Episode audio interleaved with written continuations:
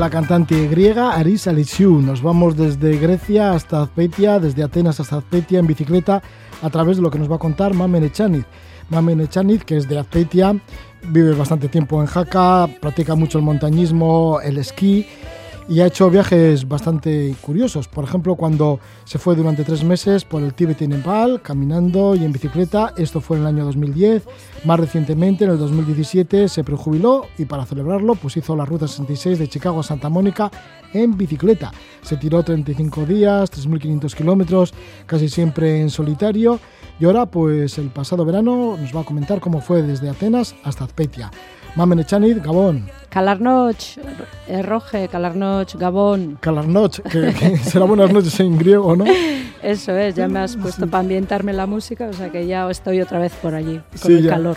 Ya, con el calor, ¿no? Y bueno, ¿qué es lo que supongo irías buscando? No, no sé si mucho calor, pero sí mucha playa, mucho mar, conocer el Mediterráneo. Pues sí, con la experiencia anterior de la Ruta 66, que, que tragué tanto desierto y soledad, que aquello fue más un trabajo mental que físico, físico también, pero mental más que nada, entre, entre la poca gente y los pocos pueblos que había, pues bueno, pues al final siempre es positivo, pero siempre dices, bueno, la próxima, como yo soy de, Euskadi y estoy acostumbrada con mucha gente, pues quiero un poco más de, ambiente eh, en mi viaje. Y entonces decidí hacer la Eurovelo 8.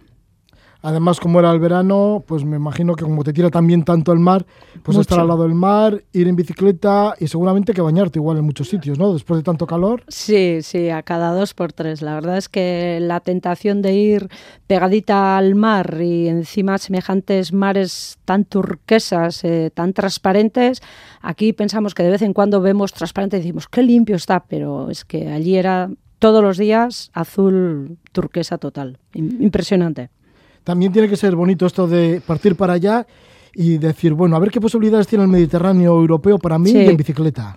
Sí, a ver, siempre estamos acostumbrados a tener un estereotipo de viaje, cogemos el coche, cogemos el avión, llegamos, nos movemos y hacemos todo muy rápido, ¿no? Y llegas a un sitio y vale, lo vives, pero mientras tanto el camino es como que pasa todo tan rápido y yo creo que en bici te da tiempo de bueno, te da tiempo, ¿no? Te paras en cualquier sitio que, te llama la atención, ¿no? Eh, todas las cunetas son buenas para pararse, no es como un coche. Y saboreas, pues, pues mil veces más eh, en bicicleta, cualquier cosa de estas. ¿Te empapaste de la cultura griega, de la croata, de la italiana, de la francesa? Sí, sí. Hombre, a ver, siendo europeo también, bueno, como que te dejas adaptar más fácil un poco, ¿no? Pero quizás de, este viaje lo más mm, un poco más frío, más difícil se me ha hecho es un poco la griega. ¿Por qué? Eh, ¿Quizá por el idioma o...? Sí, bueno, también puedo decir que eh, la llegada a Atenas hay tanto turismo que todo el mundo está buscando esa historia de todo Atenas, pues mm, quizás la gente va muy rápido, ¿no? De la misma manera que aquí cuando llegas a un pueblo que es muy turístico y bueno, te tratan como puro turista. En cambio, cuando te vas a los pueblos ya la gente es más pausada, habla despacio contigo, mucha gente habla inglés o se te hace más fácil. A mí se me hace, no sé, más, más coloquial, ¿no? Entre tú a tú. Eh, si no, en el otro te sientes un turista más, que es, te sientes más frío para mí la relación. Una vez que saliste de Atenas, ya por la costa griega, esto del turismo ya no era tanto? Sí, bueno, como sabes, todo el mundo va a Grecia y lo primero que te pregunta, ¿qué vas a, a las islas, no? A Niconos y todo esto. Y le dices, hombre, pues mira, yo voy con la bicicleta y creo que voy a hacer un poco más de costa, sencilla costa, o no sé cómo decirla, que no sabes ni a qué pueblo vas a ir, que, que al fin y al cabo es con lo que más te va llenando para mí personalmente, ¿no? Porque estás cansada ya de ver en las revistas, en la televisión, los pueblos y ya antes de llegar ya los has visto, pero de esta manera pues no sabes. Entonces sales y como dependes de tu bicicleta para llegar y de tu esfuerzo, pues bueno, cada día es una sorpresa, cada revuelta, cada curva, vamos a decir, es una sorpresa. Medianamente te organizas, pero no sabes a dónde y bueno, pues poco a poco van, van cayendo las sorpresas, vamos a decir. ¿Todavía hay lugares salvajes en la costa griega y en la croata? Sí, bueno, pues eh, la costa griega te puedo decir que para mí una de las cosas que más aluciné en, un momento dado fue que veía un montón de cabras pues pegadas totalmente a la carretera y en la carretera pues había poco tráfico, gracias a Dios, y va tranquilamente y toca cabras por allí. Yo decía, bueno, pues estas cabras, ¿dónde están aquí los pastores? Pues la costa está bañada de unas calas impresionantes, totalmente solitarias, y yo decía, jo, yo, yo me voy a bañar ahí. Pues estaba el pastor con una caravana controlando las ovejas y las cabras que tenía en el monte y él estaba en la cala, viviendo en la cala. Entonces te da un poco de pescadito, la ensalada con el, con el queso feta y, y, a correr, que son dos días. Entonces yo creo que cosa más natural que eso es difícil. Por la costa griega has hecho como 600 kilómetros pedaleando y te has encontrado entonces con una costa griega bastante auténtica. Sí, prácticamente la costa, la costa a costa que yo he ido la, eh, el mar Jónico, los pueblos están intactos. O sea, así como cuando tú llegas a Atenas, es una ciudad moderna, cosmopolita y todo, lo que es la costa, ves que las casas todas las casas son antiguas. En ningún sitio te estás encontrando una estructura de hotel grande que está llena de turistas, no, todo lo contrario. Hay algún que otro camping. De hecho, en, la costa de la zona del Peloponeso, en la costa, em, llegué a la costa y estaba el camping allí mismo, en la, en la misma playa, y monté la tienda campaña, cogí un tren para irme al interior, que había un tren cremallera y mira, y ahí me encontré con dos parejas de San Sebastián. Yo estaba allí medio dormida en el tren y les oí y uno de ellos, una de ellas dijo, ustedes donostia neurilla arídula. Eh, creo que en San Sebastián está lloviendo. Y yo le dije en euskera, va menes, pues aquí no. y entonces la mujer me dijo, ¡ay! ¡Ah! Euskalduna y vascos y no sé qué. Y entonces les, les expliqué y me dicen, ¿y a dónde vas? Y Azpeitia. Entonces me dijo, Azpeitia, ¿pero cómo? Y pues, pues mira, pues en bici. y va, será broma. Y, no, no, no, no, que sí, que sí, que sí. Y entonces sí cuesta hacer entender a la gente que, que, puedas llegar hasta casa. Y luego es verdad que cuando llegas, tanto en Grecia también, y te ven llegando con la bici, pues siempre eres bien recibido con la bicicleta. Cuando podías sí que hacías excursiones, ¿no? Que dejabas igual la bicicleta o bueno, no se la cargabas, pero sí que ibas en tren o en coche alquilado, a Meteora, por ejemplo, te fuiste. Eso te fuiste al interior de Grecia. Sí, a ver, tú te das cuenta, cuando estás viajando en bicicleta, eh, por forma siempre viajamos en coche y, vamos de un sitio a otro, pero en bici, ostras, te lo tienes que pensar más. Entonces llegué a la costa, eh, llegué a Igumenica, que ya es la frontera con Albania, entonces vi que Meteora, la, eh, la, ciudad de, la ciudad de los monasterios de Meteora, me quedaba como a unos 150 kilómetros. Entonces dije, bueno, aquí aparco la bici, eh, monté una tienda de campaña en el camping, eh, dejé todo allí les dije, oye, que me voy a alquilar el coche, me cuidéis todo, pero me voy a Meteora. Entonces fue una quería ver un poco el interior de Grecia, porque veías tantas montañas, había oído hablar de las montañas de Grecia, pero quería ver. Entonces fue una gozada. Todos son olivos, olivos frutales y luego después de la mega autopista que hay, que lo hicieron para las Olimpiadas, pues llegas a, a Meteora y la verdad es que flipas en colores, ¿no? Semeja, es como un riglos, en Huesca estas aglomeraciones de piedra, pero pues no sé si hay 20 eh, monasterios, ¿no? Tanto de mujeres como de hombres. Y fue una experiencia alucinante. Sí, porque en las cimas arriba están los monasterios colgados. Eh, sí, más que colgados, están en la punta a punta.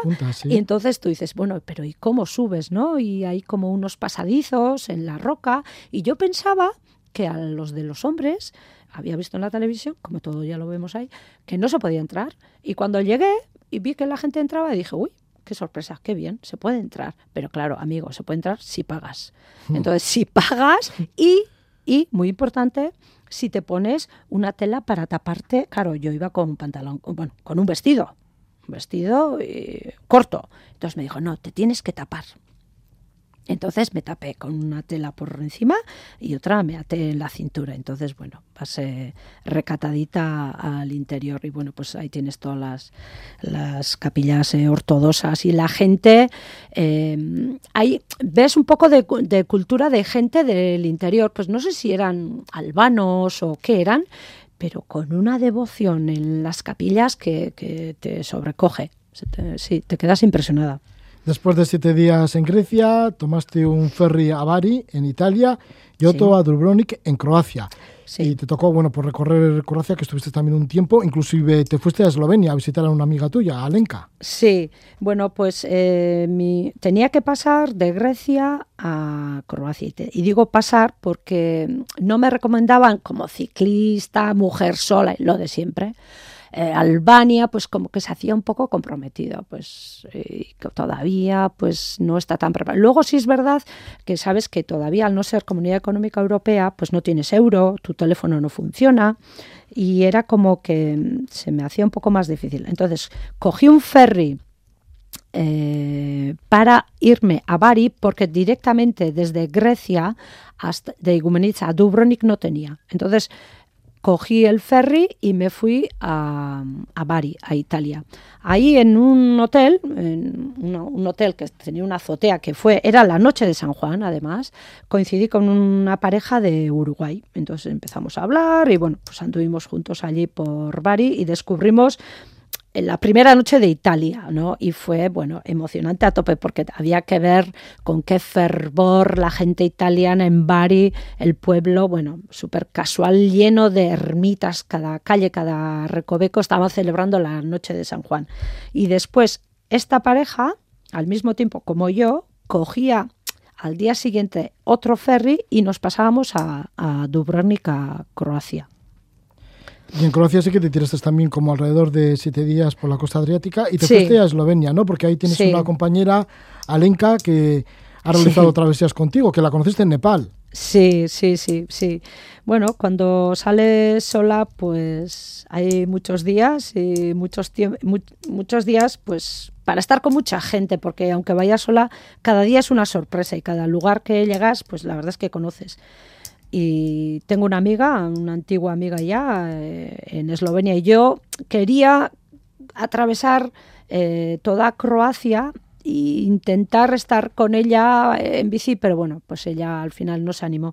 Yo atravesé Croacia, que ha sido una verdadera gozada, porque Croacia, como Grecia, la costa, está todavía sin explotar porque es una costa que por, temas históricos políticos, Croacia, pues no está tan explotada como la costa de Italia.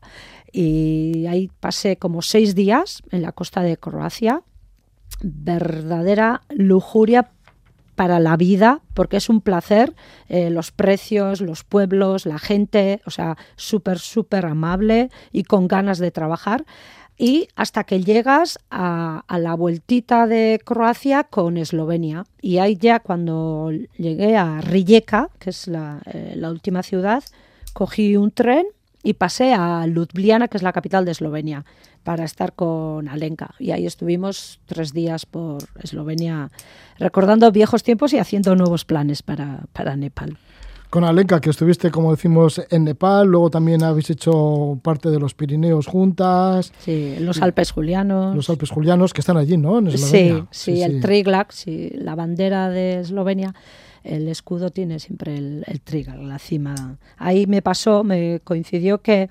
cuando salí de Eslovenia y, y fui a Koper, antes de entrar a Italia, el último pueblo, pues a, la noche, cuando ya me asenté en el albergue, salí a tomar un café y enseguida pues los italianos pues ya sabes cómo son no oh buonasera signorina oh, buonasera oh, che, che facciamo ah nada en bicicleta. Ah bicicleta y a dove a dónde y les digo, pues tal, les empecé a contar la historia y no me, no, no me creían. ¡Porca miseria! Siempre me dicen todos eso.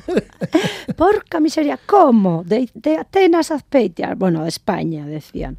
Y entonces le dije, eran, tenían una agencia de, de, viajes ellos y uno de ellos me dijo, sí, pero tú Eslovenia no conoces. Y le dije, mira, yo he subido al Triglav.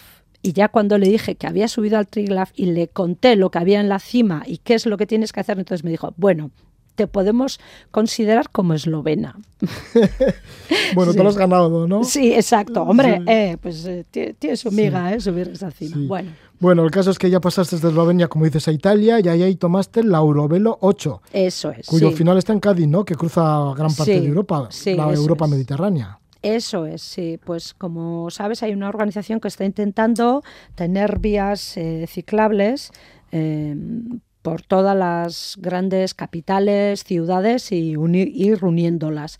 Entonces, en Italia, para mi sorpresa, ha sido una gozada después de estar pues dos, tres semanas eh, entre Grecia y Croacia, empezar a, sentir las vías de, bicicleta. Todas las vías viejas de trenes se han habilitado, todas no, algunas se han habilitado para, para con la bicicleta y una gozada. En Italia, eh, o sea, puro placer. Así como pensaba que iba a tener miedo un poco a esa entrada en Italia, gente, coches y los italianos conducen muy rápido, pero hay muchas vías de bicicleta y la sorpresa fue eh, la vía de servicio que tiene el río Po que va prácticamente desde casi Venecia hasta Turín y te fuiste hacia el interior, por Turín, por el río Po, que el río Po es el más caudaloso de Italia. Sí. Hiciste casi 400 kilómetros, pues ¿no? sí, de, Una, de una vía libre de coches.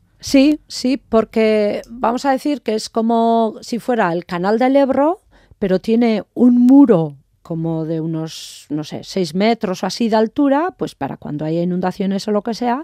Entonces el muro en la parte superior pues está asfaltado, pues para que eh, todas las huertas que hay alrededor, maíz, maíz, arroz, vino, que es bestial, todo el norte de Italia. Entonces tú vas, utilizas esa vía de servicio y vas con la bicicleta. Entonces, pues encima te tienes el placer, te pones música y nada, a hacer kilómetros y a vivir todos los pueblos del interior del norte de Italia que son una verdadera gozada. ¿Así que Italia es un placer para los sentidos? 100%, 100%. En... La comida es, yo creo que es una gozada. La gente es a ver, súper simpática. Eh, te ven sola, eh, la ragazza, la brava ragazza, cuando te dicen ahí en todos los pueblos cuando estás entrando en bici tú sola, ¿no? Eh, y luego, cómo mantienen los pueblos, el interior de los pueblos está intacto. aunque hay comercio nuevo, el comercio nuevo está incorporado dentro de lo que es el casco viejo y eso es una gozada. ¿Recordabas cuando ibas por Italia con esa buena gastronomía, por la belleza de los lugares y demás, y por la vida que tiene Italia o Croacia o Grecia? ¿Recordabas un poquito esa soledad que tuviste en la Ruta 66 en Estados Unidos? Sí, mira, cada día que, que, llegaba a un hotel, bueno, sabes que con las aplicaciones que hay hoy en día informáticas, pues no tienes ningún problema para buscar algo rápidamente, voy a decirlo, pues porque seleccionas lo que te apetece. Y Croacia, Grecia, tiene cantidad de casas, apartamentos para poder alquilar para una noche.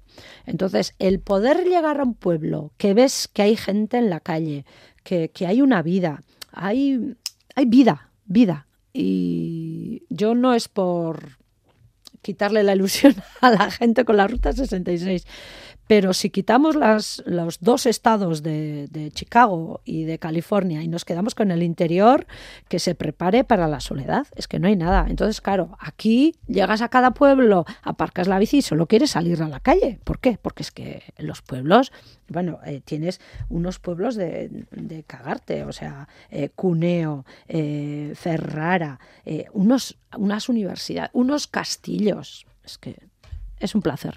¿Llegaste hasta Venecia? Sí, bueno, ahí tuve una metedura de pata monumental. Como, como buena euskalduna y burugorra. ¿Por qué? Se me ocurrió que tenía que llegar, que tenía que pasar Venecia en bicicleta. Y yo llegué a la punta Sibona, que es, si coges toda la costa, eh, antes de Venecia, pues todos son unos humedales. Eh, Ahí se ve dónde la gente de Italia va, en vez de a la Costa Azul, pues tiene su propia costa preparada para el turismo, como Grado, el pueblo, que es como una Venecia, pero moderna. Impresionante. Bueno, pues pasas todo eso, coges un ferry y te vas a Venecia. Me bajo del barco de Venecia y me dice una señora, me echa una bronca descomunal. Y yo le digo, ¿pero qué pasa? Y no, bicicleta, no, bicicleta, chuso, chuso. Pues total, que la bicicleta estaba prohibida en Venecia.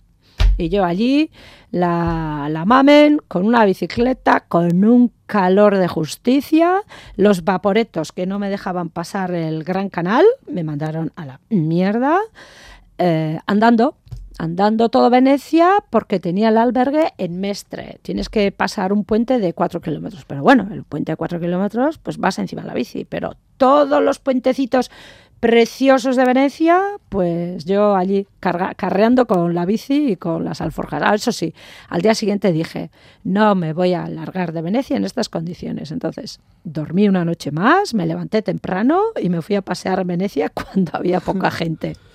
Sí, me, daba pena largarme de Venecia en esa situación. Sí, desde luego, Venecia es para saborearlo. Y, sí, pero con poca gente porque... Y, sin bicicleta, por lo visto. Sí, sí, por favor. Por sí. Bueno, y toda la gente que hay en Venecia, claro está. Que no, mira, yo es la tercera vez que he ido. Hace, por ejemplo, igual, no sé, 20 años o así, con un tema de trabajo, fui y de entonces aquí, Dios mío de mi vida, entre los indios y los chinos nos han invadido. Bueno, pues el caso es que tú tenías por suerte la bicicleta. Eso y, es. Y a tomar otra vez dirección. A tomar vientos hacia Francia. Eso, hacia Francia, ¿no? Que pasaste por San Remo, por Niza, por Mónaco, estaba la Costa Azul, pero bueno, bastantes turistas también. Así que te tiraste para las Calanques, que es una zona de costa un poco más salvaje y mucho más montaña. Luego llegaste a la Provenza, entre viñedos, flores de lavanda. Eh, olor, olor, olor, precioso, olor maravilloso a lavanda. Ya, y el color lila que invadirá todos los campos. Sí, sí, sí, sí. Todos los campos, las casas, las toallas, los jabones, eh, todas las casas, los tiestos, sí es el, color que predomina. Y luego el verde de, todos los viñedos. Sí, bueno, pues hay, eh, nada más entrar a, Francia, pues sigue la Costa Azul, que es un glorio tráfico. Mónaco es una locura. Allí también pasé como pude con la bici, no se podía pasar, los túneles, los Ferraris queriéndote adelantar un Maserati inmenso y tú en el semáforo parada y yo decía, mira, valdrás 100 millones de euros, pero no me, no me vas a adelantar hasta que no se ponga esto en verde. Y mira, solo el sonido del Ferrari detrás tuyo y con la bici allí esperando y decía, ja, y ya tocándote la, la bocina. Entonces dije, bueno, lo voy a dejar pasar, que me va a pasar por encima. Y ahí me junté con unos ciclistas, y claro, estás en la mitad de Mónaco y dices, ¿por dónde salgo? Porque esto es todo para coches. Y bueno, encontré un camino y siempre, siempre encuentras a alguien. Y de la Costa Azul, pues a Calanques, que es una sorpresa porque es esto muy, muy de azufre, rojo, rojo las montañas, muy bonito, más tranquilo, más tranquilo. Si alguien se quiere escapar de la Costa Azul, que se vaya a Calanques. Y, pero ya calor, ya estamos en julio, mucho calor y no quería pasar por Marsella y me metí a la Provence. Y bueno, pues eso otra vez, pues tranquilidad. Viñedos, super bodegas, super castillones, precioso. Pero bueno, pues es Francia, ¿no? Francia siempre es un poco más, no sé cómo decirlo, más frío, más áspero para... Y eso que yo hablo francés, pero bueno, aún ni todo eh, Italia tiene otra, otra charma. Y ahí eh, quería llegar a Carcassonne para coger el canal del Midi que va hasta Toulouse y después a, Burdeos. Y, pero mi intención era canal de Midi-Toulouse, pasar a Somport, a Pirineos, para entrar a Jaca. Pero el canal de Midi vi que estaba todavía lleno de pista, de piedra. Entonces, me entró una pereza abismal. Eh, trabajar tanto con la bici. Entonces cogí la carretera que va a Foix a Andorra. Cuando vi el primer letrero de Pirineos, ahí ya me emocioné. Después de 30 días o así que estaba ahí en el mundo ay, de, entre franceses, italianos y vi Le Pyrénées, dije, oh, oh, mi casa, como ET. dije, allí que me cojo el primer eh, desvío y así hice y me fui hasta San Girón. Entonces hice el pre-Pirineo francés, porque no quería meterme con alforjas por todos los puertos altos. Y después pasé a Bañés de Vigor y de ahí a, mi puerto, que son por, que por, y de allí a mi casa, a Jaca. A tu casa de Jaca y de tu casa de Jaca hasta tu pueblo, hasta Azpeitia. Pues sí, sí, sí.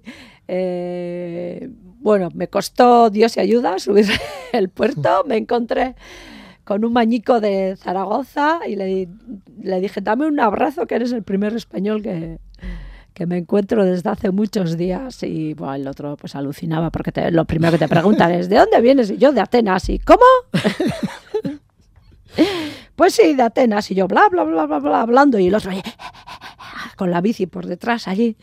Bueno, bueno, yo me paro aquí, ¿eh? vale, vale, vale. Y nada, a Jaca, pues eh, una gozada. Y luego ya pues de Jaca a Azpeitia para fiestas. Había que llegar para San Ignacio. Sí, porque saliste el 10 de junio en Atenas en la bici y llegaste a Azpeitia el 28 de julio. Exacto, exacto, el 28 de julio, sí, Bueno, pues estas son las vivencias que nos cuenta Mamen Echani. Si en otro tiempo ya nos habló, bueno, pues hace unos meses nos habló de la ruta 66 que hizo en bicicleta de Chicago a Santa Mónica, 3.500 kilómetros por aquel entonces en 35 días.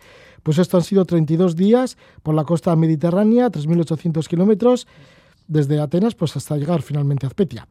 Pues muchísimas gracias, Mamen Echani, nos hemos pasado muy bien pues con tus aventuras. Calispera, eh, Roge, eh, un placer y bueno, pues eh, como todas las señoras de toda Euskal Herria están deseando escucharte y contar historias, porque todas me, me hablan bien de ti, de que se emocionan todos los domingos escuchándote, pues intentaré que sí, sí, sí, más que nada, ¿eh? no sé por qué. Sí, pues la próxima que tenga otro viaje, que ya sabes que tengo otro, pero bueno, eso será eso será la vuelta. Muy bien, Mame, pues ya, no, ya nos contarán los próximos proyectos y mucho ánimo, porque seguro que has animado a muchísima gente que te está escuchando, sobre Espero todo a mujeres. Sí. Espero que sí, sí, que, que se animen, que no hay que tener miedo. El miedo nos lo mete la gente que no quiere salir o que ellos tienen miedo y hay muchísimas mujeres, muchísimas, que van solas y en bicicleta. Pero muchas, muchas, muchas. Pues gracias por tus ánimos y por tu energía, Mamen Echaniz. Venga, escarrecasco, agur, Roge.